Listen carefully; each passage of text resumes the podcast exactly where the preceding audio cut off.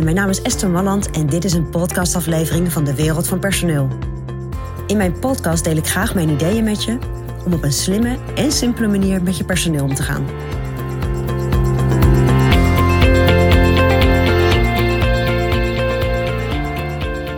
Op het moment dat jij functioneringsgesprekken voert met de medewerker en je wat gedrag wil bijsturen, of gewoon een gesprek voert met iemand waar, over gedrag waarvan je denkt, nou, ik ben ik niet zo heel tevreden over, dan is er één heel belangrijk iets wat je moet doen. En daar wil ik het met je over hebben.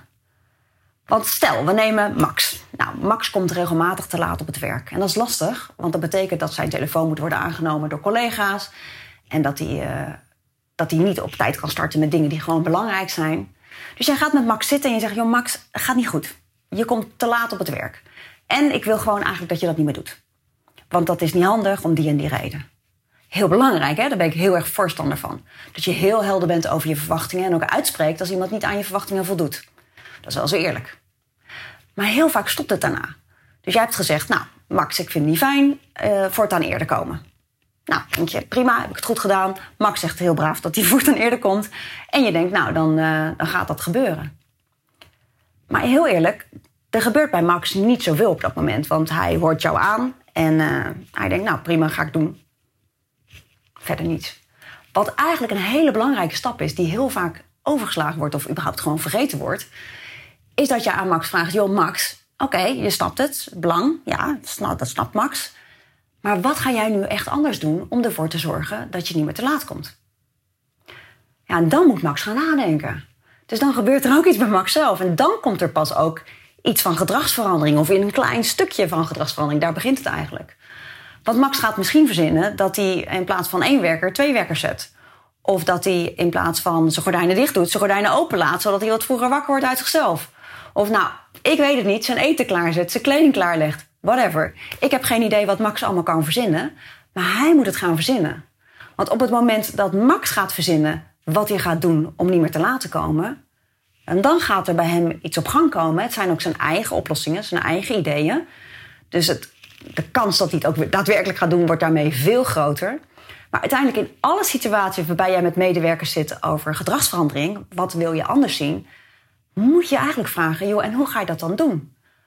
Wat ga jij nu echt anders doen? Welke concrete acties ga je nemen? Want pas als je het heel concreet maakt, ja, dan komt er verandering. En op het moment dat Max heeft gezegd, joh, nou wat ik ga doen, ik ga zorgen dat ik nog een extra wekker zet en ik ga zorgen dat ik een bus eerder neem of nou, dan zeg je prima, dan spreken we dat af. Maar dan wordt het ook veel makkelijker om daar nog een keer met hem over te praten op het moment dat het toch niet goed gaat. Dan zeg je, joh, maar wacht even, uh, je zou dit of dat doen. Wat heb je nu dan niet goed gedaan? En dan wordt eigenlijk ook op het moment dat Max te laat blijft komen, wordt het veel makkelijker. Want je hebt daar afspraken over gemaakt. En ook op het moment dat het echt te veel wordt en het echt slecht wordt voor, uh, voor de arbeidsrelatie, is het ook veel makkelijker voor jou om, uh, om afscheid te nemen van Max. Want je bent heel duidelijk geweest. Je hebt Max ook de kans gegeven om daar verbetering op aan te brengen, zeg maar. Ja, dan is het ook veel makkelijker om, uh, om uit elkaar te gaan. En dan zal Max het ook begrijpen. Weet je, dan is het ook gewoon zijn eigen keus geweest om dus blijkbaar niet aan die afspraken te voldoen of die afspraken niet na te komen. Dus wees heel concreet over wat je medewerker echt, echt heel fysiek bijna anders gaat doen dan daarvoor. Want als er niet echt een gedragsverandering komt die hij zelf initieert of waar hij zelf over nadenkt, ja, dan is de kans ook niet zo groot dat het echt gaat verbeteren. Nou, dat is mijn persoonlijk advies vanuit de wereld van personeel.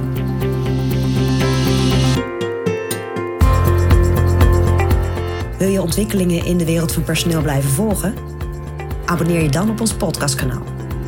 Ook op onze website vind je allerlei slimme ideeën en adviezen. Dus kijk even rond op www.dewereldvanpersoneel.nl